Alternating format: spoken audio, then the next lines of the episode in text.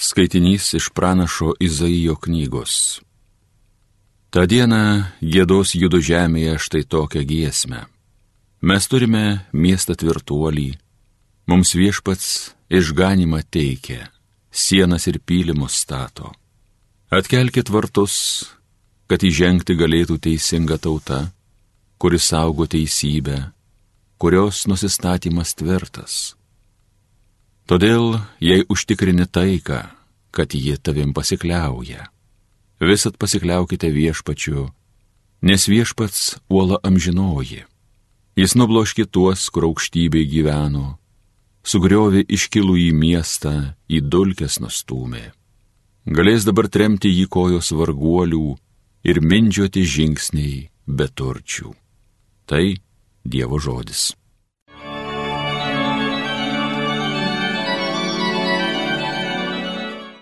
Palaima tam, kurs ateina viešpaties vardu. Dėkokite viešpačiui, nes jisai geras, jis maloningas per amžius. Geriau prie viešpaties glaustis, negu žmogumi pasikliauti. Geriau viešpačiu remtis, negu pasitikėti didžiūnais. Palaima tam, kuris ateina viešpaties vardu. Atverkit vartus, kur teisybė gyvena.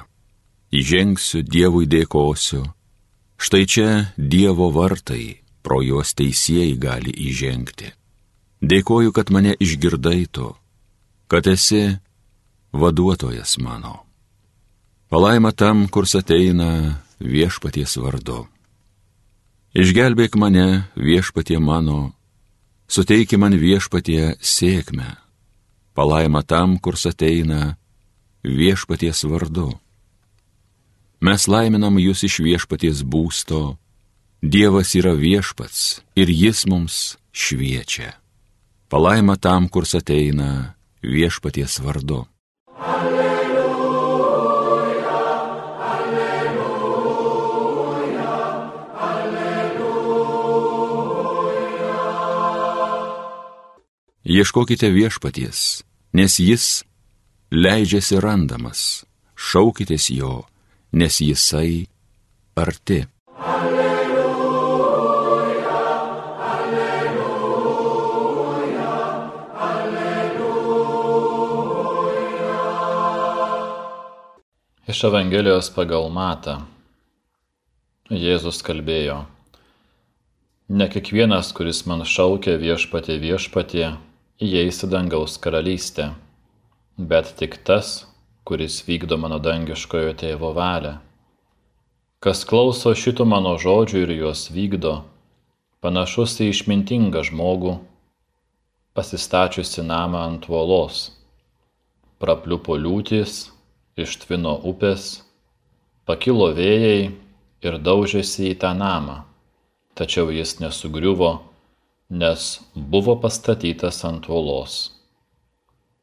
Kas klauso šitų mano žodžių ir jų nevykdo, panašus į paiką žmogų, pasistačiusi namą ant smėlio. Prapliupo liūtys, ištvino upės, kilo vėjai ir daužėsi į tą namą ir jis sugriuvo, o jo griuvimas buvo smarkus.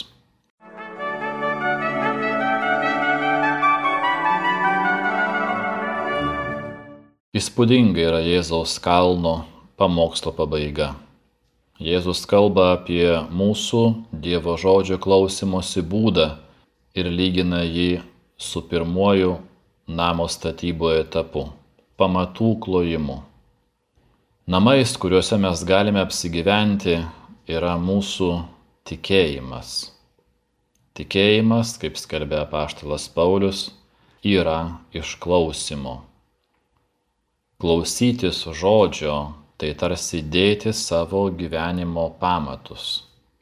Statyba ant uolos reikalauja didelių pastangų. Tačiau tai anaip tol nereiškia nuodugnių egzegetinių Biblijos studijų. Dievo žodis tampa mūsų namų, mūsų tikėjimo uola tada, kai yra įkūnijamas Dievo žodžio gelmes pasiekia tik tie, kurie jį vykdo. Žodis atskleidžia prieš mus giliausius savo klodus tik tuomet, kai mes siekiame juo gyventi. Mes tik tuomet atrandame naujas Biblijos tekstų reikšmes, kada leidžiamės kartu su Biblija į kelionę. Statyti tikėjimo namą ant uolos tai tiesiog statyti jį ant Kristaus. Tik Jis, Jėzus Kristus, įsikūnijęs žodis, yra vienintelė uola.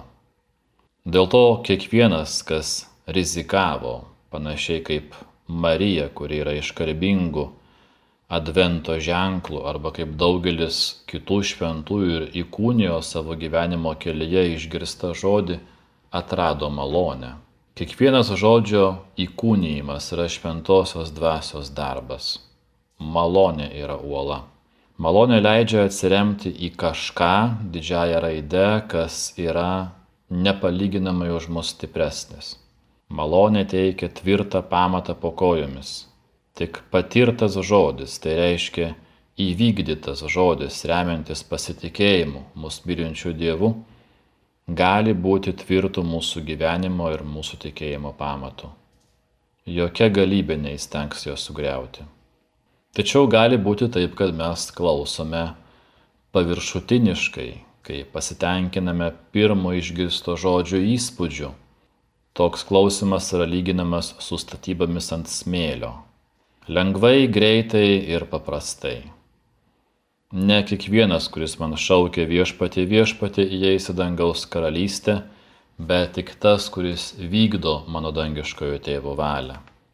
Lengva yra perskaityti šiuos Mato Evangelijos žodžius, dar lengviau yra remiantis šiais žodžiais moralizuoti, suprask čia netuščia žodžiauk, nepaneik darbais savo įtarimus keliančio religingumo, tu privalai elgtis pagal savo deklaruojamą tikėjimą ir taip toliau ir panašiai.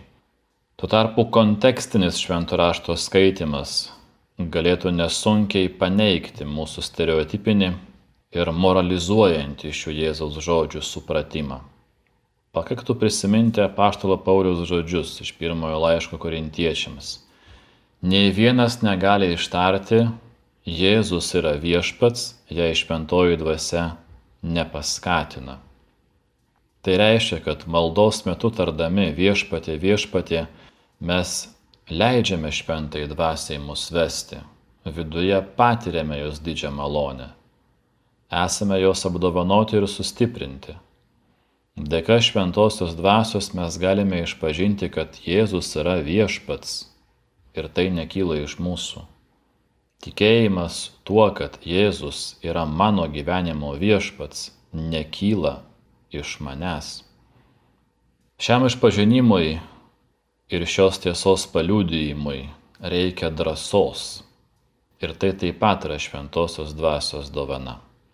Tad jeigu mūsų veiksmai prieštarauja šiam išpažinimui, tuomet mes ne tik patys savo prieštaraujame, bet prieštaraujame arba priešginiaujame mumise esančiai šventai dvasiai. Tuomet mes esame ne tik nenuoseklus ir tarsi susidvėjinę, bet eikvojame Dievo dovaną Ta pati dvasia, kuri įgalina mus maldai, taip pat mus kviečia ir darbams. Malda yra tarsi darbų uvertiūra, jų sąlyga, planas ir jėga. Apaštalai tai skaudžiai patyrė savo kailių alyvų sode. Aną valandą Jėzus ragino juos būdėti ir melstis, bet po valandos rado juos miegančius. Ir dar kartą juos įspėjo Budėkite ir melskitės, kad nepatektumėte į pagundą. Bet jie nebudėjo, nesimeldė ir pateko į pagundą. Jie tiesiog pabėgo, paliko Jėzų, išsižadėdami savo ankstesnių deklaracijų. Ištikimybė savo pačiam neabejotinai yra labai svarbių dalykų gyvenime. Tačiau tikėjimas yra kažkuo dar svarbesniu. Tai yra ištikimybė jau ne vien tik tai savo pačiam. Tai yra ištikimybė mumise veikiančiam Dievui, jo šventai dvasiai. Tikėjimas yra malonės prieimimu ir pasidavimu jos vadovavimui. Dėl to jau nekyla klausimas, na kaip čia dabar aš pasižiūrėsiu į veidrodį. Labiau turėtume klausti savęs, ar aš galėsiu pažvelgti į kryžių.